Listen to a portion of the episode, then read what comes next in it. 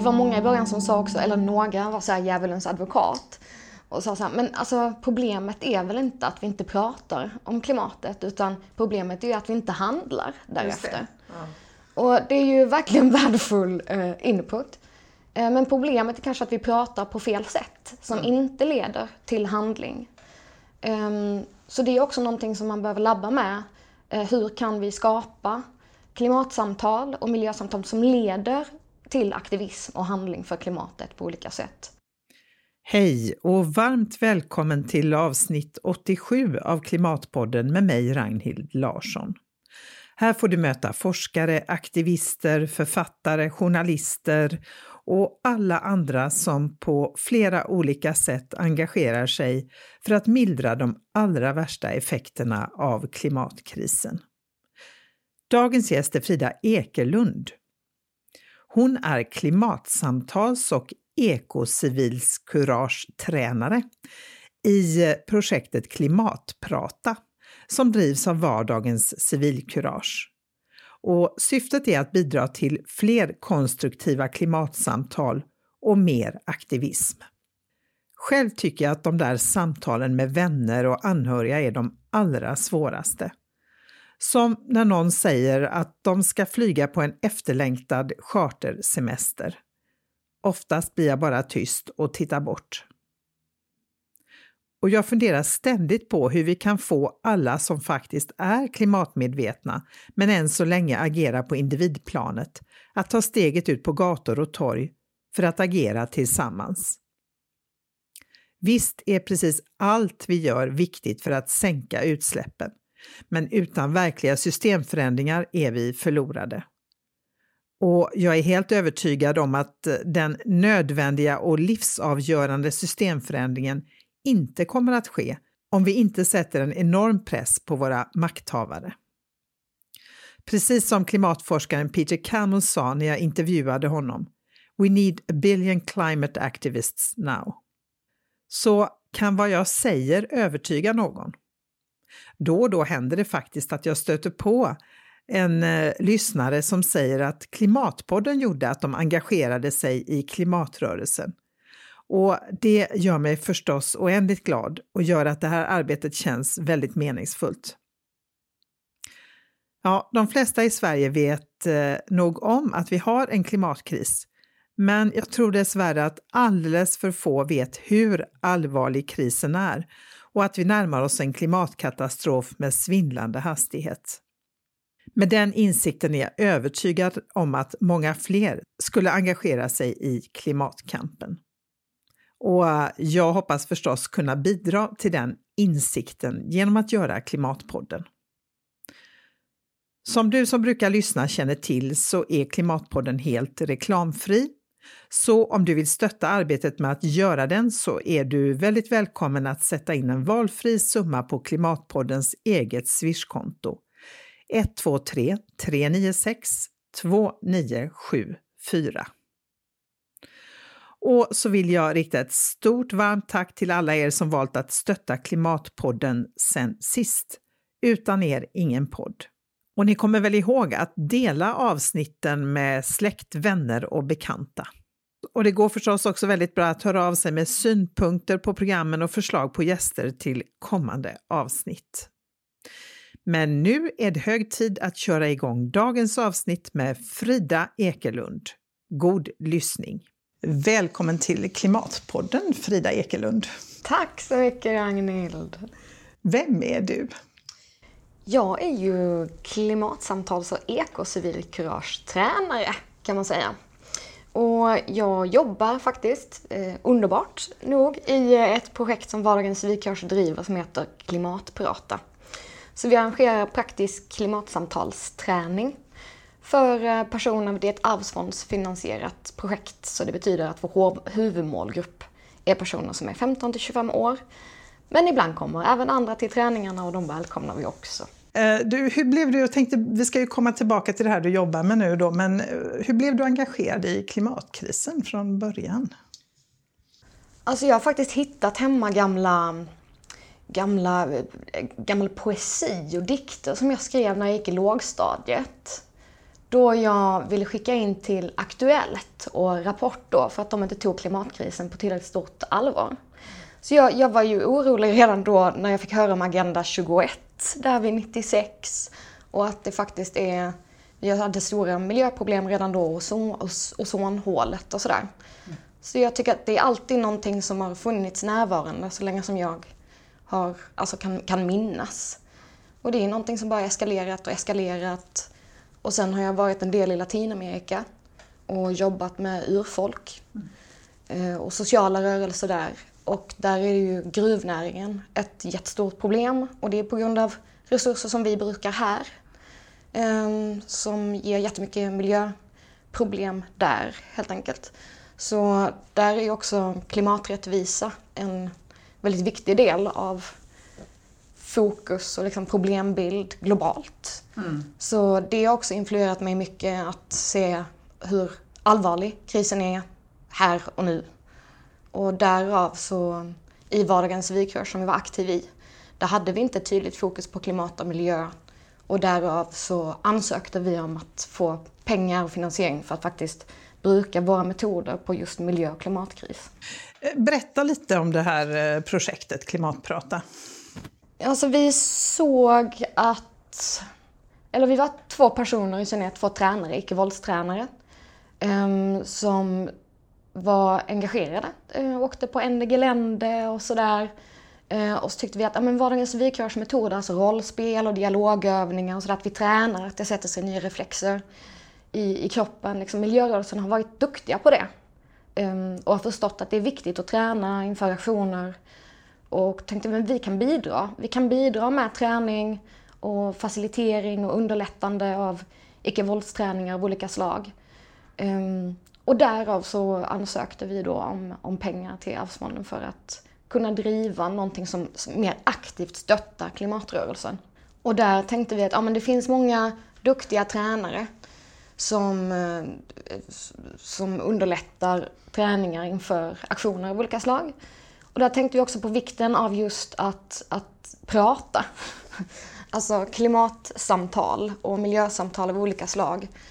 Eh, och där tänkte vi att vår metod Ehm, det är samtalstekniker eller tekniker för att ingripa på olika sätt. Tänkte vi, det kan vi applicera på klimatkrisen.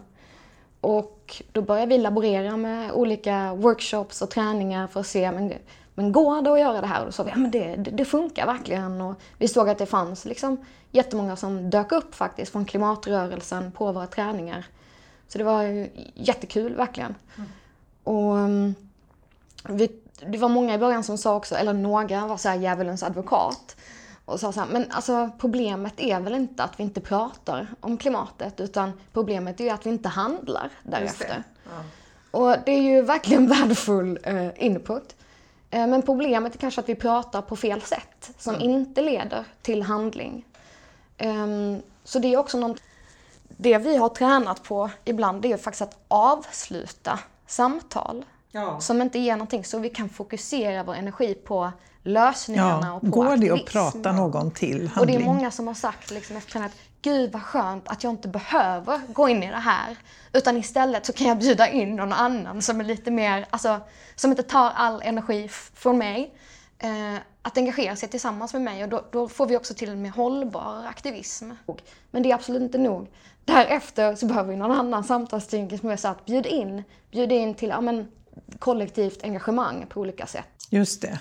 För det tycker jag, om jag tittar bara i min eh, bekantskapskrets, att eh, men de allra flesta är medvetna.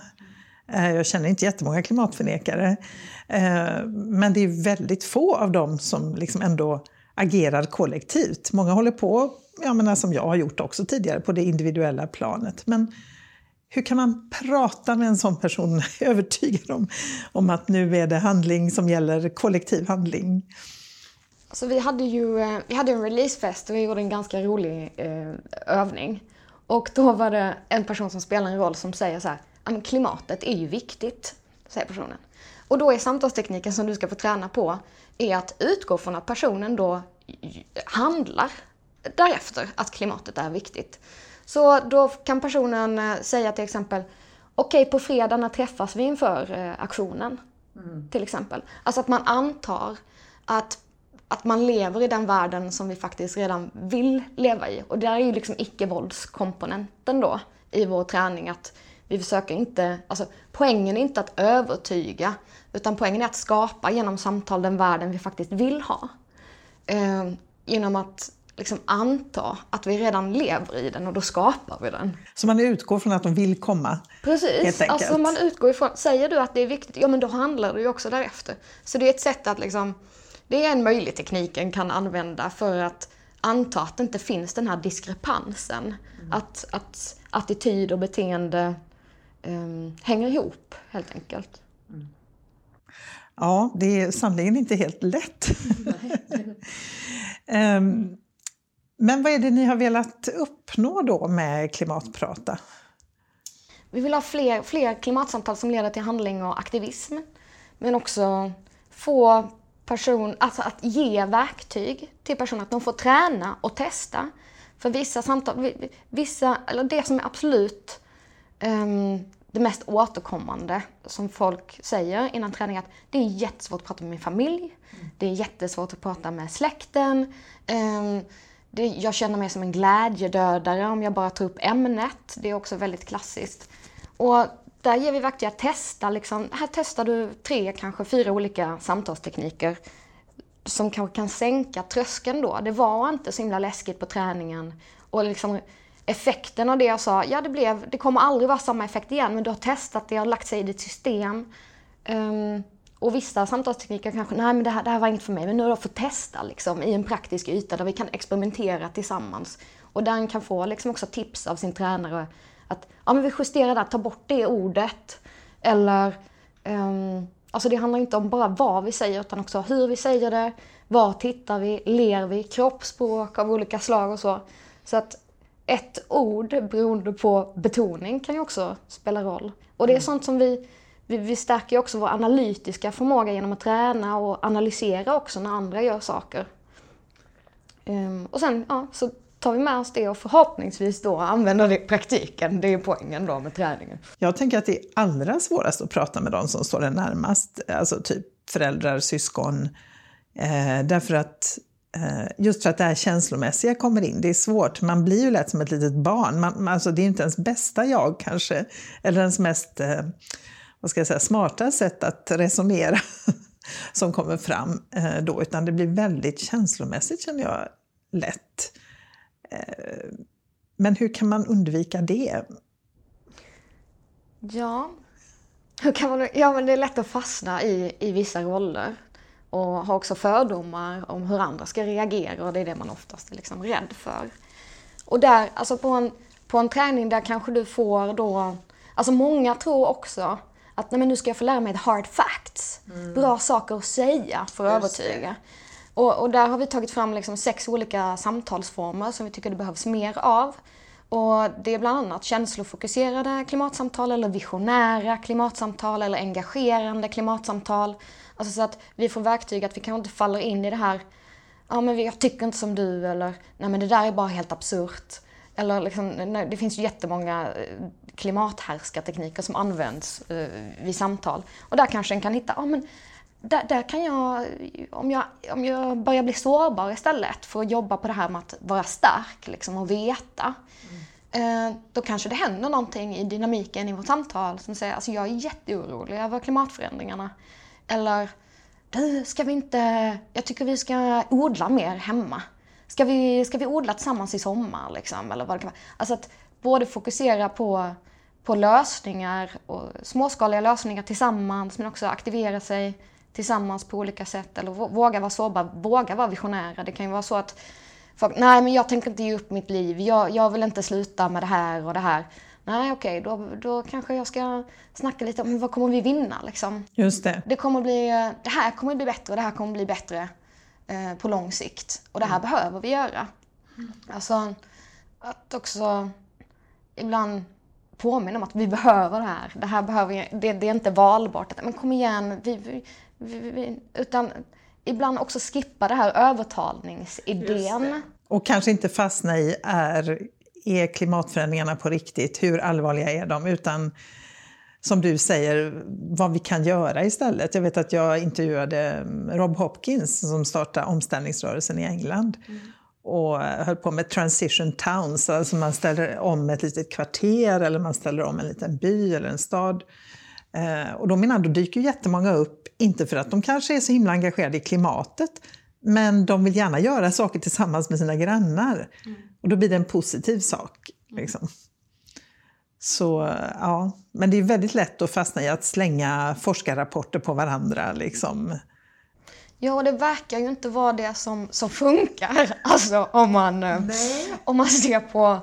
Alltså det, det, det funkar inte med, med hard facts. Um, och, och, och, det som faktiskt funkar bäst, alltså man litar ju mer på um, Folk verkar ta till sig information av folk som de tycker om och litar på snarare än forskning. Mm. Därav är det jätteviktigt att vi pratar om klimatkrisen på olika sätt i vår närhet hela tiden. Och i synnerhet alltså, i, vi kanske har våra bubblor med vänner som vi själva har valt. Sen har vi de här släkten och vänner arbetsplatser och andra föreningar. Därav, och det kan vara jobbigt för man vet liksom, är vi, ja, men att ändå ja, men lyfta det. Och kanske inte vara så försiktig att, ja men är det så att det är någon klimatförnekare här eller på är det för klimatförnekelse? Utan att där, ja vi behöver ju ställa om i vår förening, vad behöver vi göra? Alltså utgå från alltså, läget där vi är det är liksom inga, ingen förhandling. Nej. Eh, längre. Vi, vi har varit tillräckligt länge i den förhandlingen och det är dags att bara ta steget vidare till, till handling. Mm, mm. Men jag tänker rena vad ska man säga, klimatförnekare, är det någon idé överhuvudtaget att försöka prata med dem? Jag kan känna liksom att ja, men de kan väl hålla på där. De dör snart, höll jag på att säga. Nej, men det är ju det är ofta, om man ska generalisera, är det ofta äldre medelålders vita män. Liksom. Och är det någon idé att jag ens eh, min energi på dem som är liksom väldigt långt bort? Alltså vi har tagit fram något som vi kallar för attityd och beteendeskala eller anpassa dina klimatsamtal som vi liksom visar upp på träningar ibland. Och vi, vi har i stort sett inte haft någon träning, eh, alltså att bemöta klimatförnekelse. Och vi har också i vår attityd och beteendeskala där säger vi också klimatförnekelse istället för klimatförnekare. Alltså det är en del av icke-våldsfilosofin då att åsikter sitter inte fast i folk. Utan det är en attityd och attityder förändras mm. hela tiden. Mm. Så istället för att säga är du, du är klimatförnekare så kan du säga så här. Det blir klimatförnekande att säga så. Uh, vi säger så här istället. Alltså, uh, då är det mycket enklare och, och att inte fastna i en roll. Säga någon, men du är klimatförnekare. Ja, då vill jag liksom försvara, försvara mig på något sätt. Mm. Så där är att, att tänka att åsikter sitter inte fast i människor och det är alltid svårare för en person, vi ska bjuda in folk, och det gör vi genom samtal, att kunna byta sida utan att tappa ansiktet. För det är det vi, vi vill ju inte göra det. Ingen vill tappa ansiktet. Um, men nej, för att svara på din fråga. Um, vi lägger energin på de som visar kanske vad vi kallar för passiv klimatförnekelse till klimatneutralitet, alltså jag bryr mig inte om klimatet eller det har ingenting med mig att göra. Passiv klimatförnekelse brukar vi definiera som personer som säger ja, men det, jo, men det, det finns, men det, kan, det är ingen kris. Liksom, utan det är tekniska lösningar, kommer att lösa det här om 20 år. Mm. Um, eller ja, men det finns andra viktiga problem vi måste ta, ta tag i först, eller vad det kan vara. Um, och där ser vi liksom en stor potential att det är många som är välvilligt inställda men som behöver en push att organisera sig tillsammans med andra. Så det är framförallt där vi, ehm, där vi fokuserar på klimat. För vi tror att det, vi, har, vi har inte lång tid på oss, så att säga. Så att om bara de personerna eh, organiserar sig, då har vi bättre utsikter än att försöka eh, bara ge oss på klimatförnekelse. Just liksom. Just Sen är det ju ett problem som du säger att de här äldre vita män ofta, de har ju maktpositioner och det är de som äger eh, oljebolagen och, och, allt det här. Eh, så ni bara hoppas på det att de har kanske barn och andra i sin närhet som är de som startar de klimatsamtalen och insisterar på miljösamtalen som behövs, bland annat. Liksom. Just det.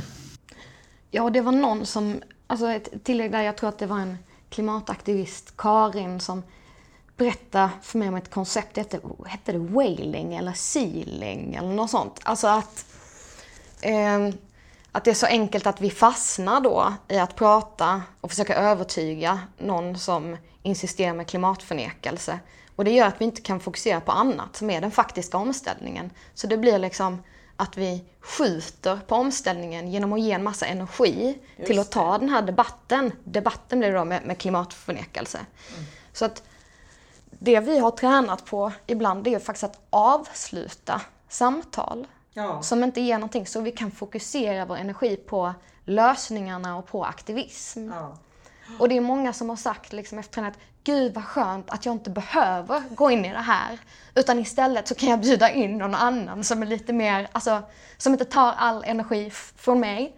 Eh, att engagera sig tillsammans med mig och då, då, får vi också till en mer hållbar aktivism. Mm, jo, för det känns ju ganska hopplöst. Jag vet att jag i början gav mig in i jättelånga jobbiga diskussioner med folk på Twitter. Mm. Som det var så uppenbart att jag skulle aldrig lyckas övertyga dem. Det var ju bara helt meningslöst. Och det är rätt skönt att bara så här, okej, okay, du kan få tycka det. Jag bryr mig inte om det. Mm. Jag lämnar det här liksom.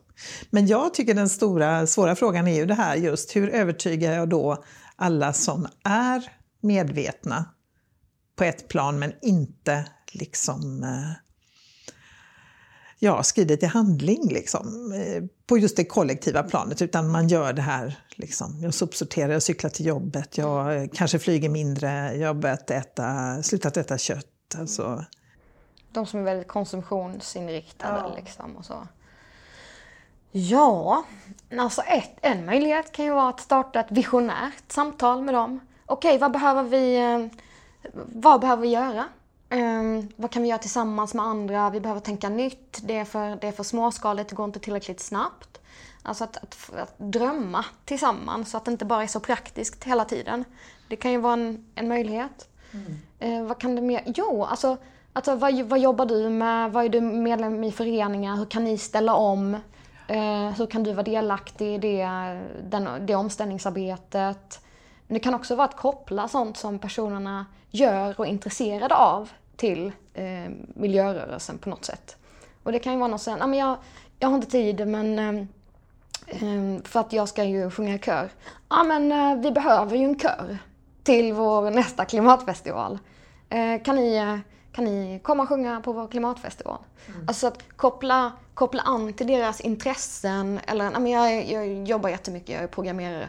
Toppen, vi behöver en programmerare. Så att alltså man kanaliserar deras intresse eller engagemang eller vad de är duktiga på, liksom deras kompetenser in i rörelsen. För där behövs ju allt. Vi behöver ju en resilient miljörörelse. Ja, ja, verkligen. Och det är ju lätt att bara lyfta fram det här som syns, alltså att göra civil olydnad och eh, bli bortburen av polisen. Men det är ju egentligen en väldigt liten del av allting, kan man ju säga. Så, eh, och det kanske är väldigt långt bort också för väldigt många, tänker jag. Alltså, Vi lever ändå i ett land där civil olydnad inte har varit någon, eller på väldigt länge i alla fall, varit eh, någon liksom levande del av vår vardag. Vi är liksom ganska... Eh, jag menar, vi, vi litar eh, i stort på våra myndigheter, eller hög tillit med jämfört med många andra länder på myndigheter och politiker och sådär. Och inbillar oss att det kanske räcker att gå och rösta vart fjärde år. Så det här att inse att jag behöver bli mycket mer aktiv som medborgare är ju ett, liksom, en insikt som man behöver då få, tänker jag, först. Mm. För att inse att det spelar roll liksom. Ja, och ibland behöver man kanske inte ens inse det. Alltså att man, man, kan ju hoppa över man kan ju hoppa över det steget om det finns den här gemenskapen som mm. du pratade om tidigare. Att, ja men folk, eh, det var inte så att de var medvetna, de ville bara ha gemenskapen och vara med i omställningen i, i den byn eller. Så att ibland kanske vi tänker lite för instrumentellt, det här med medvetandehöjningen. Utan vi behöver skapa omställnings lokala omställningar överallt där folk kan ansluta sig och vill ansluta sig. Mm. För det är jättemånga idag som inte är med, medvetna liksom om systemet och verkligheten vi lever i nu. Utan de hänger med i olika gemenskaper och påverkas som dem och gör, vad de gör. Liksom. Mm. Så om vi ska få till omställning så, så tror jag att vi skulle kunna tänka lite mer performativt, alltså att skapa den världen vi vill ha nu och inte fokusera så mycket på att alla ska vara medvetna om vad som händer för att det är inte så många som är medvetna om vad som händer. Vi är bara sociala varelser. Liksom. Mm.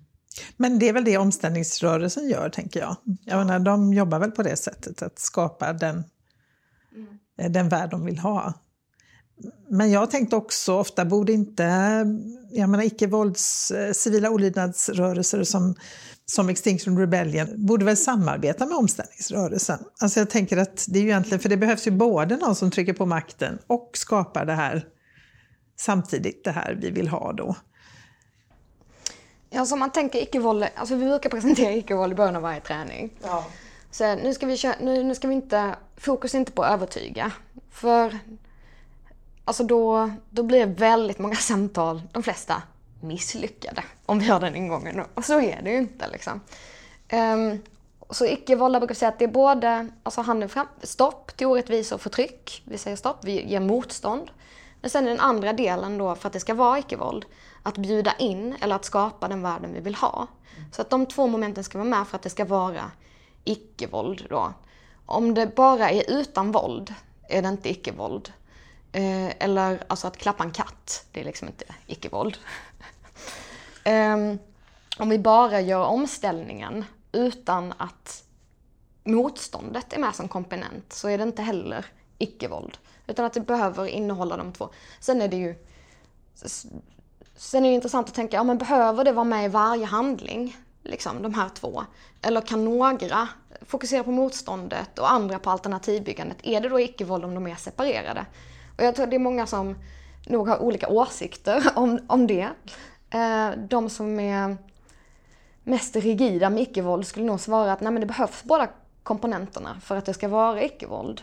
Eh, och vad kan det då vara? Jo, alltså om man tänker om man tänker en aktion, då behöver den ha med någon performativ eller skapande handling. Så att, att stå bara i en blockad blir ju då inte icke-våld om det inte finns några moment i den här blockaden då. Att, och blockaden, den var, det var ingen blockad utan den förvandlades till en manifestation där de planterade träd. För att vi vill ju ha en värld med träd på den platsen istället, för det är de bästa eh, miljömaskinerna liksom, som, mm. som finns. Ja men då, då är det en icke-våldsaktion liksom. Mm. Eh, för det är inte bara motstånd utan det är någonting annat också i aktionen. Och det, det är klart att det, det är ju jobbigare ja. att, att skapa dem. Det kräver, det kräver mer tanke men i slutändan så har vi också skapat det vi vill just där och då och det är ju det vi behöver göra någonstans. Alltså centimeter för centimeter för centimeter behöver vi skapa den världen vi vill ha och det kommer inte gå genom 100 centimeter samtidigt utan det kommer ju vara en centimeter i taget. Liksom. Mm. Och att det sen smittar. Det smittar. Alltså vi är, och det är enkelt att känna så här, men vi är bara fem personer i vår lilla grupp. Vad kan det göra för skillnad? Men det gör skillnad för saker och ting eh, smittar och vi skapar ju det där vi vill ha bara precis här. Och så har ju alla företag också byggt upp sin verksamhet det började liksom med en pusselbit och sen en till och sen en till så blev det ett maskineri, sen blev det system. Så, och det att få den här performativa komponenten, ja men här, nu var vi, alltså jag läste om en, eh, en häftig eh, aktion, jag tror det var XR i Lund, kan det ha varit det innan jul. Som då istället för att, som, som många har gjort tidigare, ja, men vi, vi går till ett shoppingcenter och där har vi en blockad eller en demonstration eller vi pratar om konsumtion. Det de gjorde där istället var arrangera en klädbytardag mm. där inne. Alltså det har ju verkligen då det här icke-våldsmomentet. Vi skapade den värld vi ville ha, cirkulär ekonomi, där inne på platsen just då. Och de hade säkert skitmycket roligare, tror jag, än om det bara hade varit att, att sitta ner i en blockad till exempel. Så de skapade ju också, vad vill vi ha för värld? Jo, vi vill ha en värld där vi umgås, där vi byter, där vi socialiserar, där vi har liksom en hållbar konsumtion. Mm. Eller cirkulär ekonomi eller vad det kan vara. Så det är verkligen ett exempel på någonting som då, det var inte så komplicerat att få till de här två, både motståndet och alternativet. Eh, genialiskt. Genialiskt att bara ta med sig sina, sina kläder man ville byta. Liksom. Och det är kanske är lättare att få fram budskapet också, tänker jag, till de som ser det här. De kan komma dit och titta, är det något jag vill byta här? Och, och så kan man börja prata om det Precis. som man faktiskt vill prata om då. Så, Ja. ja, och där har vi haft väldigt många träningar med olika grupper som, som har manifestationer eller har olika outreach-aktiviteter. Um, och det är, ju, det, det är ju verkligen de roligaste träningarna. Man vet liksom att det är grupper som kommer använda de här verktygen imorgon. Och där är det ju många klimathärskartekniker som förekommer. Um, som att någon kommer fram till en Fridays for Future-demo och så säger de men vad ni gör här, det gör ingen skillnad. Vill ni verkligen förändra så ska ni ju stå där borta eller ni ska skicka brev till den här politikern eller ni borde göra så här istället. Så här. Men de skulle aldrig engagera sig själva. nej. Eller åk till Kina. Ja, liksom. precis. Det, här Ja. spelar ingen, det spelar ingen roll vad vi gör här. Eller, eller kommer fram och är jätteprovocerade för att de här demonstranterna vill ta bort deras flyg eller vad det kan vara. Så att, alltså de här, alla de här olika situationerna och samtalen och problematiska klimatdiskurserna eller samtalen man kan ham- hamna i. De har vi ju träningar på. För det kan vara jätte, jättesvårt att veta liksom. Vad, vad ska jag säga? Vad kan jag säga? Um, och att måla in sig i ett hörn eller bli stum eller liksom inte tänka på att ja, men jag kan faktiskt starta ett samtal om något annat. Alltså om det är någon som är väldigt inriktad på just klimat och utsläpp. Eh, eller sen, ja men klimatförändringarna, ja det här med utsläpp kanske någon fokuserar på. Och då kanske vi istället kan fokusera på ekologisk kris. Många som är mer konservativa när det gäller klimatförändringarna och huruvida utsläpp hit och dit och koldioxidgaser. Ehm, de brukar ju vara mer intresserade av att, att gå med på då att ja, men det är en ekologisk kris. Det ser inte ut som det såg ut innan. Eh, landskapen är förändrade. Eh, avskogning och miljögifter. Och, och då kan det vara ett sätt att komma in på, på den ekologiska krisen och hitta gemensamma nämnare. Just det. Ja, men det har jag tänkt på ofta att skogen är ju en sån där viktig sak för väldigt många i Sverige. Naturen överhuvudtaget. Men skogen, och det har man ju märkt nu, men när man liksom, det har blivit eh, uppmärksammat hur Sveaskog håller på, det statliga skogsbolaget håller på och avverkar skogar eh, och även skyddsvärda skogar, att det väcker ju ganska mycket eh, protester faktiskt. Också bland människor som kanske inte är engagerade i övrigt. Så eh, ja, det gäller ju att hitta de där nycklarna som sagt. Det tror jag verkligen. Eh, och som du säger, inte köra fast då i det här som inte funkar att prata om, utan kanske byta då spår lite grann. Eller börja fråga, vad vill du ha för samhälle? Hur tänker du liksom? För jag menar, det är ju också ganska uppenbart att även om man inte tror på klimatkrisen så är det ju, eller tror på, eller inte liksom accepterar den på något sätt så, så är det väldigt uppenbart att eh, väldigt mycket inte fungerar i samhället idag. Med, med hög psykisk ohälsa och ja, det finns ju massa parametrar som visar att vi har ett väldigt dysfunktionellt samhälle ju på många sätt. Och det, det kan ju ändå de flesta, tänker jag, kanske acceptera eller hålla med om. Du, ni pratar ju också i era fina böcker ni har tagit fram här, eller arbetsmaterialet här om ekocivilkurage. Vad är det? Det är ett komplicerat ord. Vad är det för något? Vad innebär det? Ja, vad är ekocivilkurage? Alltså vi, vi, vi kommer ju från organisationen Vardagens civilkurage. Och det, där fokuserar metoden på att ingripa mot orättvisor och förtryck i vardagen. Och det var först på olika tematiska områden som alltså ingripa mot sexism eller sexuella trakasserier, transfobi, homofobi eller härskartekniker um, av olika slag. Liksom.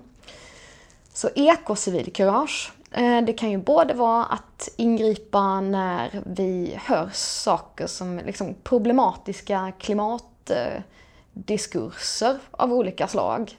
Eh, Eller ja, klimatförnekelse. Men det kan ju också vara ekocivilkurage i form av handling eh, på ett annat plan, alltså aktivism. Att vi behöver eh, handla och aktivera oss på olika sätt för klimatet. Vi definierar väl ekocivilkurage som ganska brett, men det är någonting som alla kan göra i sin vardag. Vad, kan du ge något exempel? Vad skulle det kunna vara som man ingriper mot? Ja, det kan ju vara att du är, um, du är um, på din arbetsplats eller i skolan. Du är i en, en grupp eh, av något slag. Vi kan säga att det är ett fikarum. Och eh, då kanske det är någon som eh, säger så här, "Ja, men Nej, men jag eh, som gör en klimatbikt, klimatbikten är ju ganska vanlig, jag kan ta det som exempel.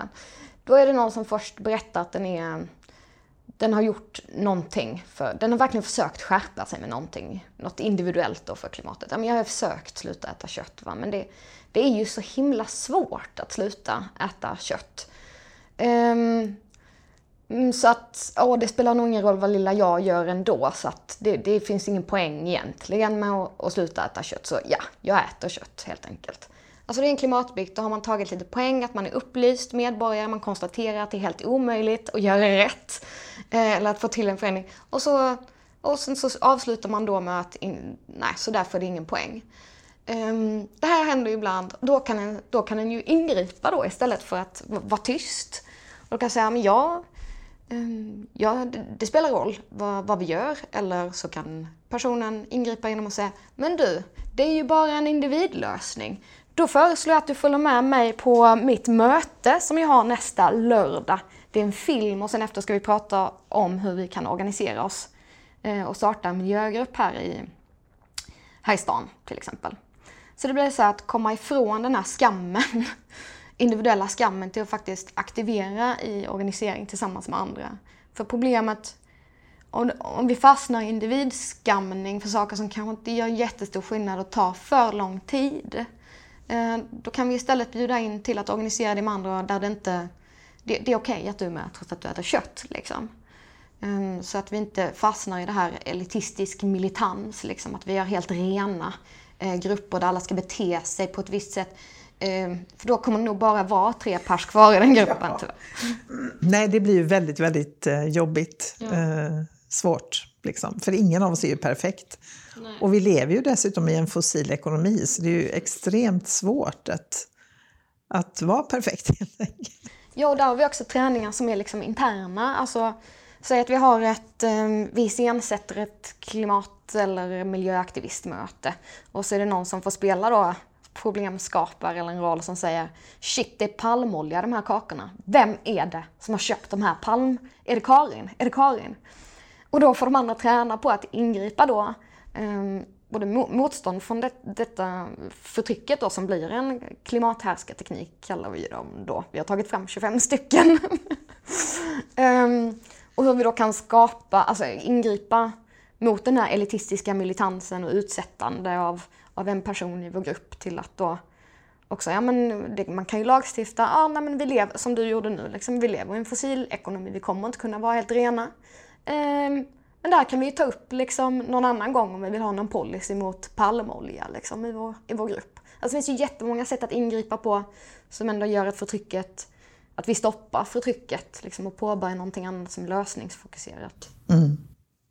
Jo, jag tänkte också på det här med civil olydnad då. Eh, vi har pratat lite om det, men det är som sagt, upplever jag, för väldigt många i Sverige ganska främmande. Vi har inte den traditionen. Det är inte som i Frankrike där folk går ut eh, på gatorna liksom väldigt ofta och väldigt snabbt och lastbilar ställer sig i vägen eller så. Eh, men varför behöver demokratin civil olydnad? För det får man ju ofta höra då att nej, det är odemokratiskt med civil olydnad. Mm. Men varför skulle du säga behöver demokratin civil olydnad?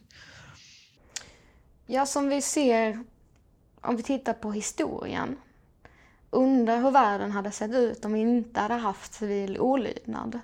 Alltså det är ju en mekanism som är viktig för demokratin.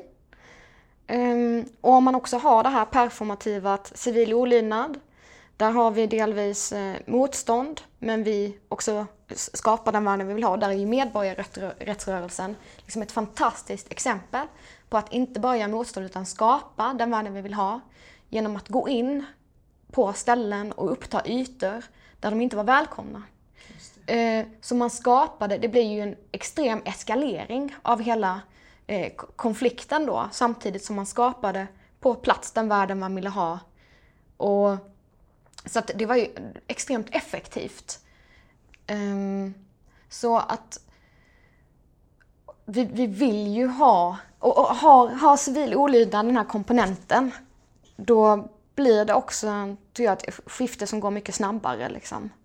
Och sen är det ju mycket svårare då när det är, här har vi en man skulle kunna säga en tredje part. Vi har, vi har planeten, vi har miljön, vi har eh, jorden liksom, som inte på samma sätt kan försvara sig själv genom att prata men gör ju det genom att ställa till det. Liksom. Eh, för, ehm, eh, för, ja vad ska man säga, genom att eh, ge, ge igen, försvara sig på, på ett sätt liksom. Genom ehm, översvämningar och, och regn och allt vad det kan vara. Men nu ska jag komma tillbaka till din, till din fråga också. Varför behöver demokratin civil olydnad? Ja, men det är ett effektivt, det är ju jätteeffektivt redskap liksom, för man eskalerar en konflikt och det behöver man göra. Alltså står man och bara håller på med påverkansarbete, så snälla, snälla gör det här, gör det här, då, då ber man ju då en tredje part eller en annan part om att genomföra förändringen. Um, och ju mer man ber någon annan, desto mer makt ger man ju den personen. Det är du som tar beslutet, det är ni som tar beslutet. Vi har ingen makt. Så det är liksom ett dubbeläggat det där. Protesten är dubbeläggad på det sättet att man ger makt när man ber om någonting. Mm. Och civil olydnad gör ju inte det på samma sätt. Utan man eskalerar en konflikt och då blir det svårt för andra parter att ignorera. Helt enkelt. Mm. Så det handlar ganska mycket om att tydliggöra en konflikt då? Tydliggöra, ja att eskalera den liksom. Alltså ofta sker ju demonstrationer och sånt på platser där problemet inte finns. Och då kan man ju bara ignorera den demon. Ja men där gick de och, och tyckte så liksom. Men det förändrade ju ingenting. Och det kan vara jätteprovocerande att höra det. För vi går ju jättemånga demos för att vi vill ändra något och tycker att vi gör någonting verkligen. Men det är jättelätt att, att, ignorera det. Så vi behöver ju kanske andra strategier eller sätt då att lägga vår energi på som ger faktiskt störst effekt på längre sikt.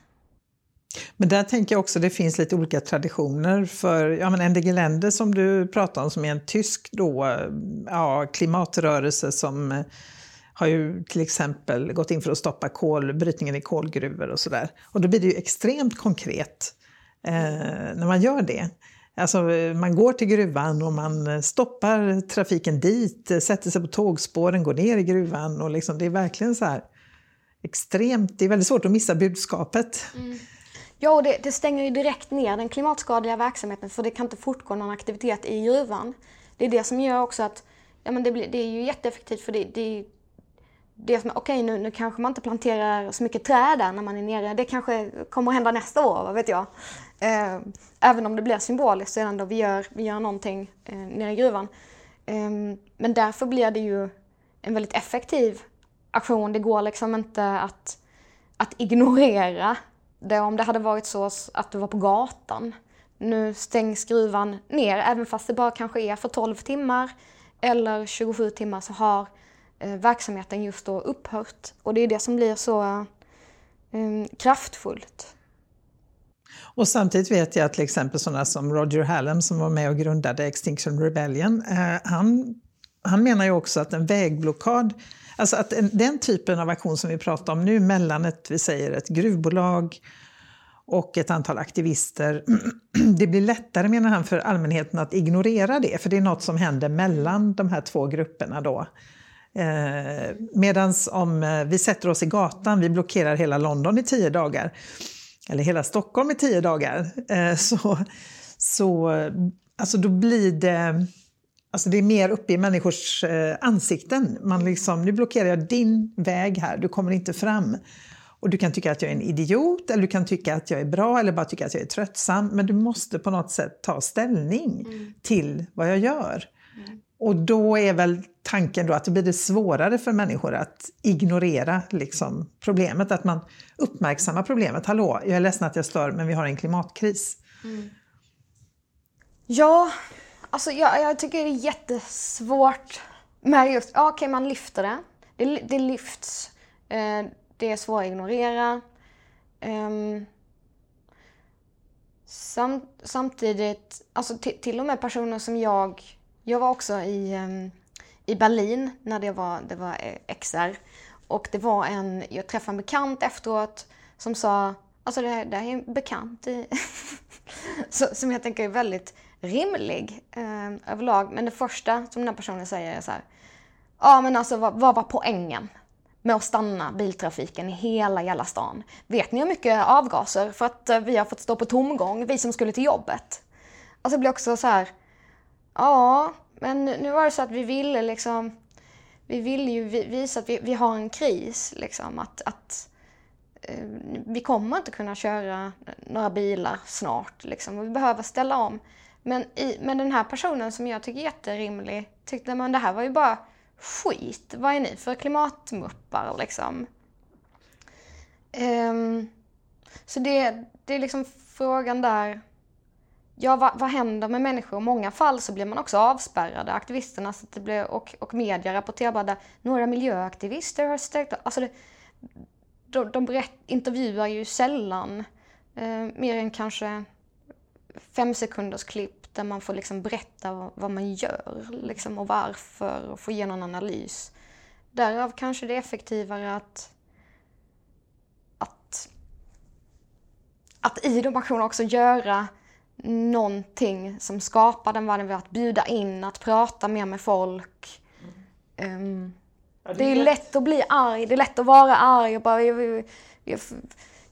vad som helst och det är nog och vi är desperata och nu ska vi sitta här. Men samtidigt behöver vi också tänka på vad är mest effektivt på längre sikt liksom. Mm. Um. Att inte bygga på frustration bara och, och liksom... Ja. Så att göra genomtänkta eh, aktioner. Eh, men jag tänker också att det, och det här som du säger, om, om, eh, för så var det ju verkligen i Berlin eh, runt det här Siegessäule, det stora segermonumentet. Där var ju all trafik avspärrad så långt bort så att man hade ju ingen kontakt med, med människor, liksom några andra än mm. oss själva. Ja, vi hade ju jättetrevligt där när vi satt där och fika och folk delade mat och vissa sjunger. Och och ibland spelar någon någonting och så. Eh, det är jättefint, men om nu idén, om poängen på något sätt är att nå ut till, till människor, ja men då kanske inte budskapet tas emot så som vi vill. Nej. Eh, finns det en poäng i att då ta upp myndigheters resurser, så här, polisens resurser? Ja, ja, kanske det. Hur, hur då? Liksom, finns det, är, det, är det det smartaste? Är, ja, det är kanske någon typ av eskalering då. Att, att visa att det, det här kommer att ta upp resurser, det kommer att, att växa och kanske tvinga då um, till, till, andra beslut. Nej, men vi har, vi har inte råd längre att lägga så mycket resurser på det så att vi får, det här får nog bli lagligt istället. så kan det ju också... Där finns ju en poäng i det. Och det var någon jag träffade på en länder som sa så här, ja men är vi tillräckligt många så är det helt omöjligt eh, för det här att eh, fortsätta vara, vara olagligt. Mm. För det finns liksom inte resurser att upprätthålla den lagen. Liksom. Nej. Och det är ju en del av civil olydnad och demokrati eh, vinkeln också på civil olydnad. Då, att, ja, men är man tillräckligt många um, då, då, går det liksom inte att, att fortsätta upprätthålla ett, ett förtryck. Liksom. För det, det, behöver legaliseras för att det finns liksom inga, det finns inget utrymme eller resurser att fortsätta hålla det olagligt. Så Nej, precis. Men sen tänker jag att det beror ju väl på hur tydligt budskapet är. I eh, Norge till exempel, i Oslo, under Nordic Rebellion, där Extinction Rebellion var och protesterade mot den norska oljeutvinningen. Det var ju liksom... Alltså det var, budskapet var ändå så glasklart och då blev det ju väldigt mycket media. Jag tror aldrig jag varit med om att det har blivit så mycket media runt någon aktion vi har gjort tidigare. Um, Därför att den där konflikten fanns ju där. Alltså Norge lever gott på sin oljeutvinning, hur rimligt är det? Och så unga människor som går liksom i eh, och, och, säger att de vill leva, vi vill leva. Ett ganska rimligt krav kan man tycka.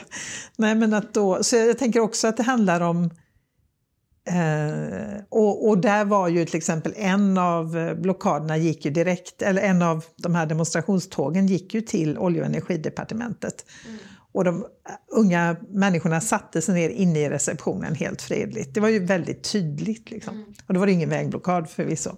Utan de, de satte sig där inne. Vilket ledde till att eh, Silvi Listhaug, eh, vad, vad heter det, Fremskrittspartiets partiledare kom ju ut och mm. pratade.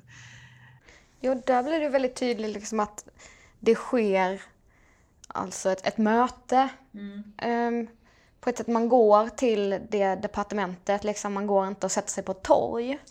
Uh, där inne fanns det någon att prata med och jag var med om något liknande i, så det var Greenpeace som arrangerade något All Set for Change, där de gick till uh, vilket depart- Finansdepartementet och så, så gjorde de om det till klimatdepartementet så här, som satte upp så att gjorde om det. Det är smart. Det är ju smart. Ja. Och sen så hade vi lite träning utanför, alltså klimatsamtalsträning och de som kom ut därifrån fick testa samtalstekniken och fråga vad ni tagit för klimatbeslut idag inne på klimatdepartementet.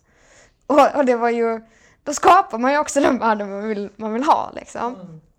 Mm. Eh, delvis ansvarsutkrävande genom att prata, men också anta att det vi gör på Finansdepartementet, det är klart att det, det, det ska vara klimat och miljöbaserat liksom. För det är en, en del av den ändliga världen som vi lever i.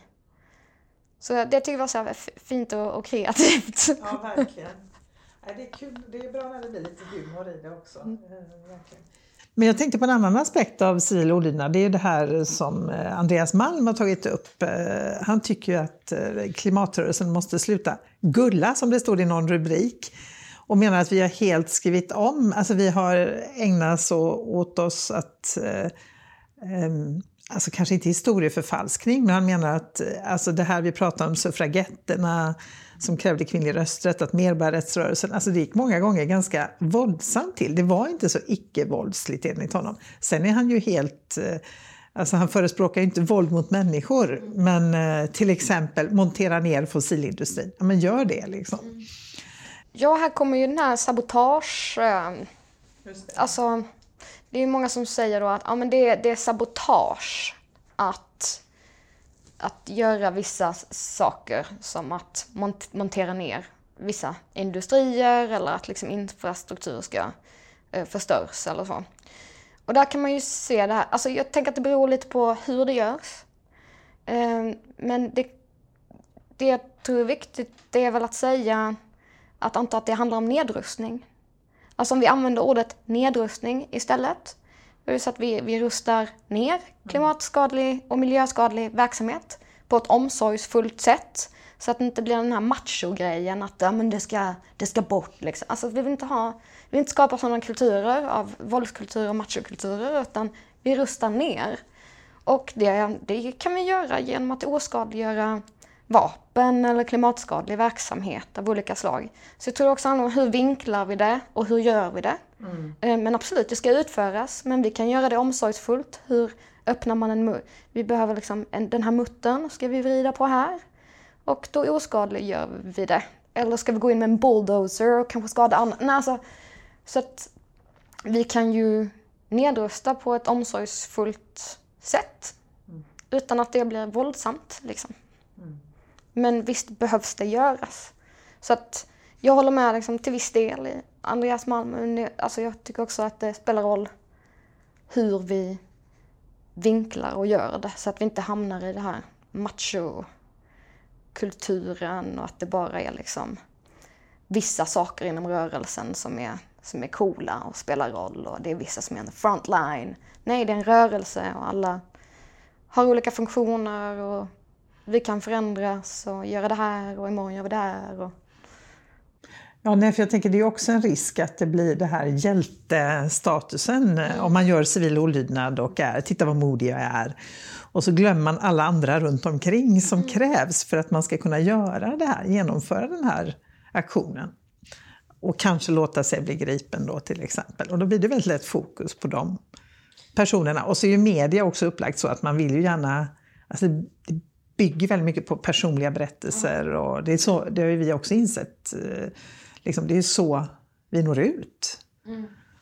Det är det media vill ha.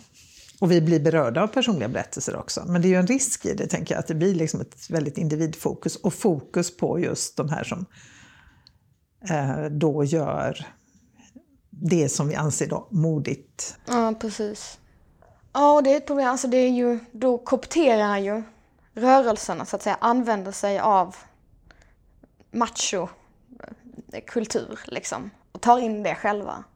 Och det är ett problem liksom. Vill vi bygga någonting då behöver vi börja med att bygga det och det. Och det är ju inte konstigt för vi lever ju i, i en värld där det finns eh, sexism och kapitalism och kolonialism och allt det här. Och det är inte konstigt att det färgar av sig men där behöver vi också verktyg för att ingripa så att vi inte återskapar den världen.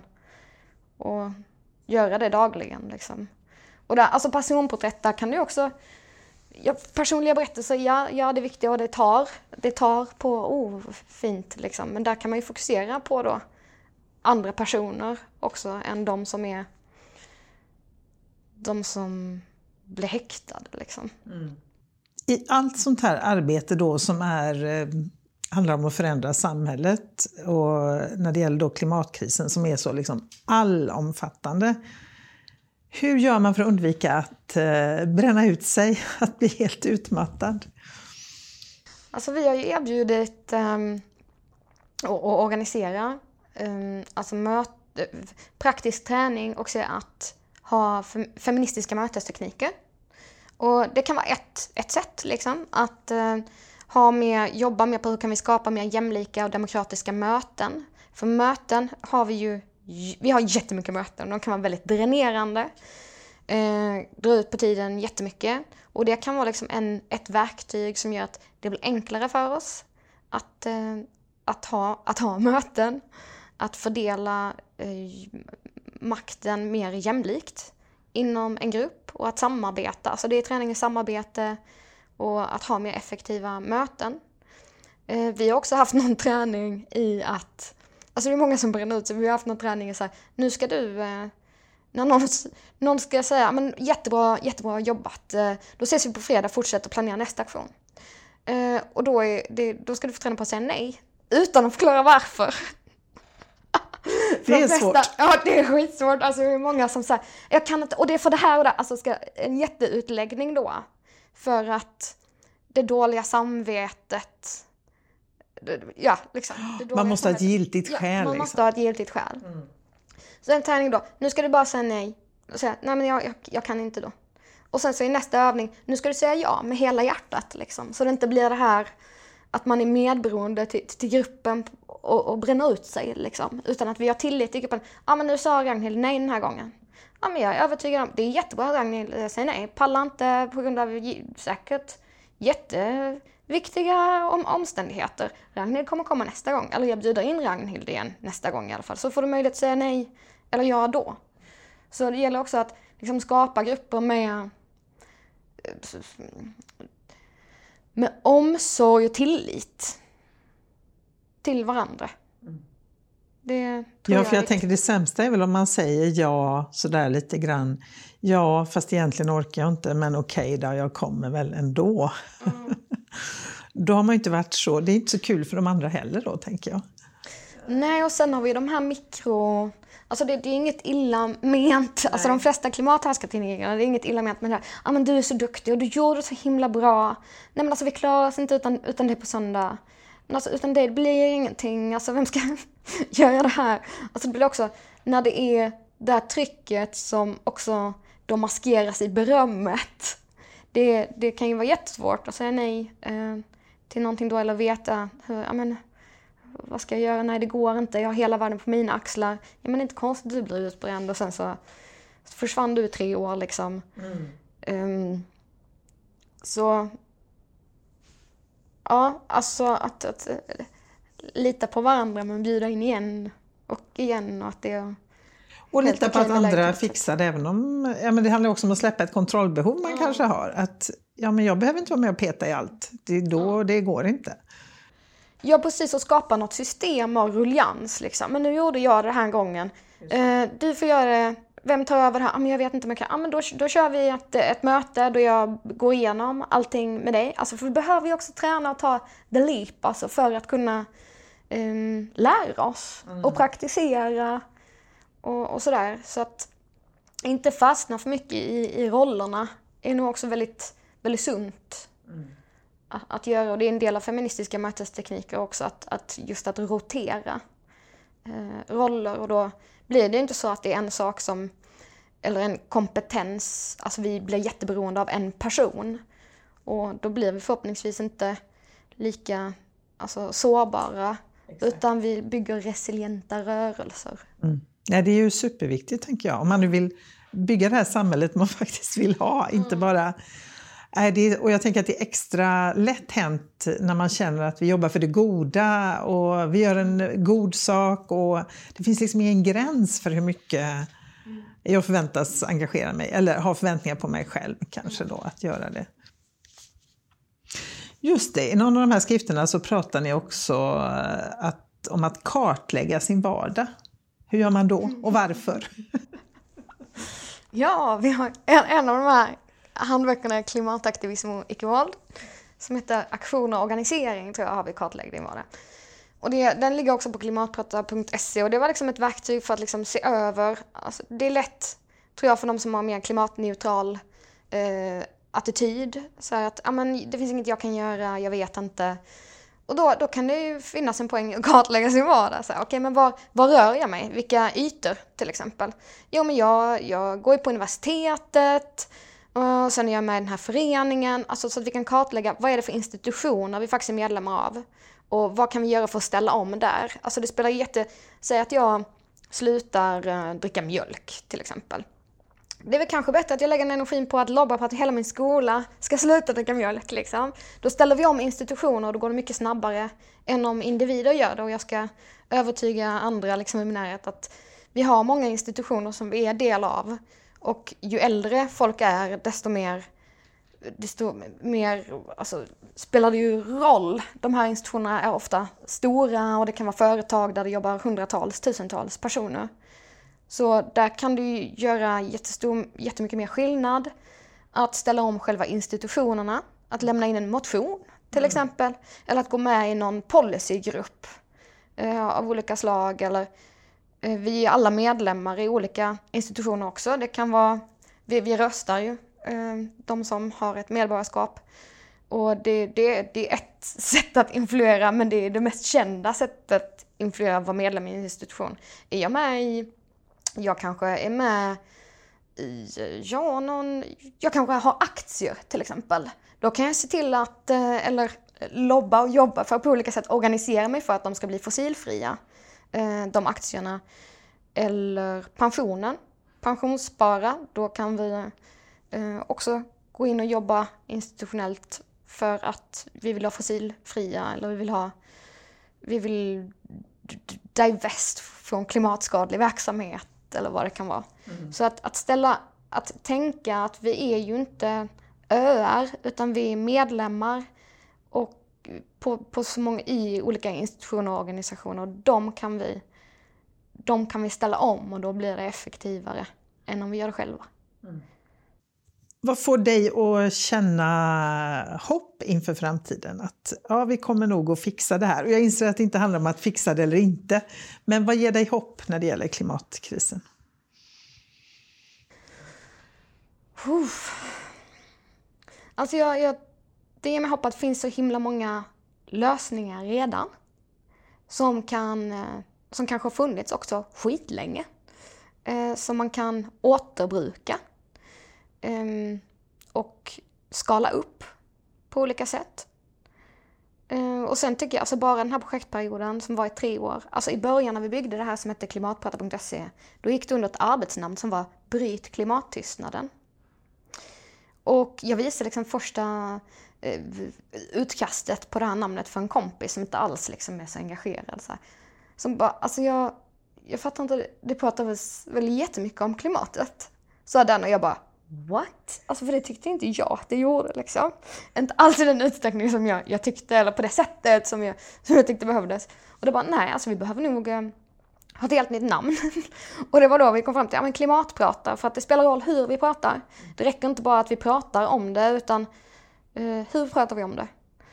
Um, och jag tycker att jag har sett liksom en jättestor skillnad under bara de här tre åren.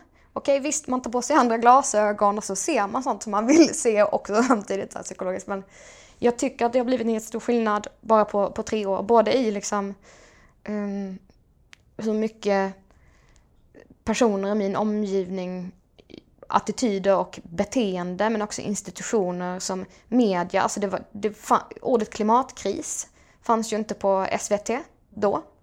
Utan då var det klimatförändringar. Så bara, det, det är en skillnad liksom och det, det, är viktiga, det är viktiga skillnader. För erkänner vi att det är en kris, ja men då måste vi handla därefter.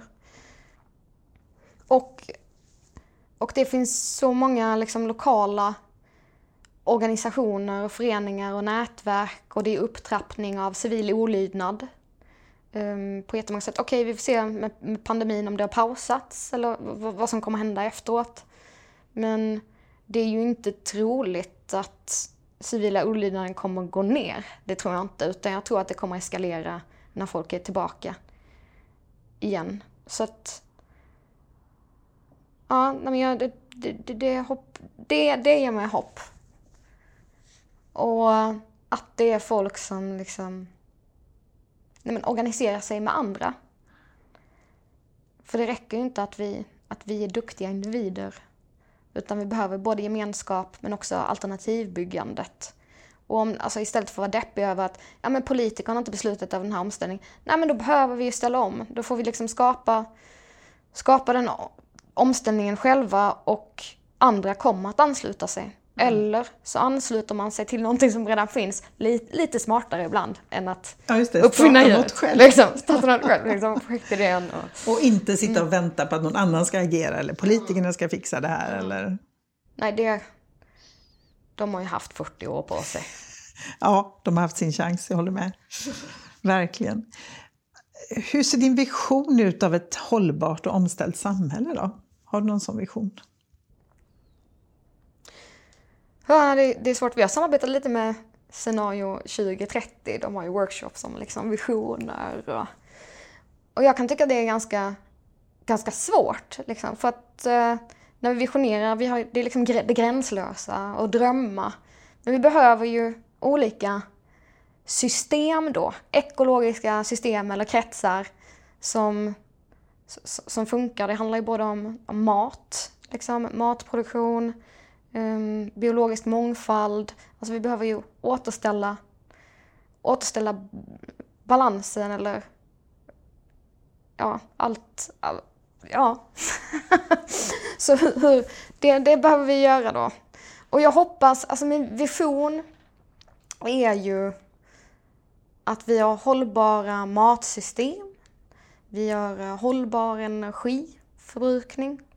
Eh, hållbara gemenskaper, lokala eh, gemenskaper, mer lokaldemokrati och fler lo lokala slutna system. Liksom. Det är väldigt svårt, tror jag, att få till den omställning vi behöver globalt så snabbt. Liksom. Det kommer inte vara så att vi kan lita på några top-down lösningar. Utan det behöver vara liksom ett myller av lösningar överallt som tillsammans på något sätt ställer om, liksom, är del av någon större helhet. Och för det behöver vi mer lösningsfokus och kreativitet. Och, men vi behöver ju också analytiker, vi behöver, vi behöver också sådana som, ah, ja, ska vi verkligen göra det här? Alltså, vi, vi, behöver, vi behöver alla. Alla behövs, bromsklossarna behövs också, de som är jobbiga men ändå, ja men vad fan. Då får vi gå tillbaka lite här, får vi tänka om. Ja, nej, men det är väldigt bra slutord tycker jag. Alla behövs. Alla behövs. Det är bara att sätta igång. Alla ja. sätta igång. Tack så jättemycket för att jag fick sitta här och prata med dig Frida. Det har varit jätteinspirerande verkligen. Tack så mycket Ragnhild för att du kom hit till Malmö. Tack ska du ha. Tack ska du ha.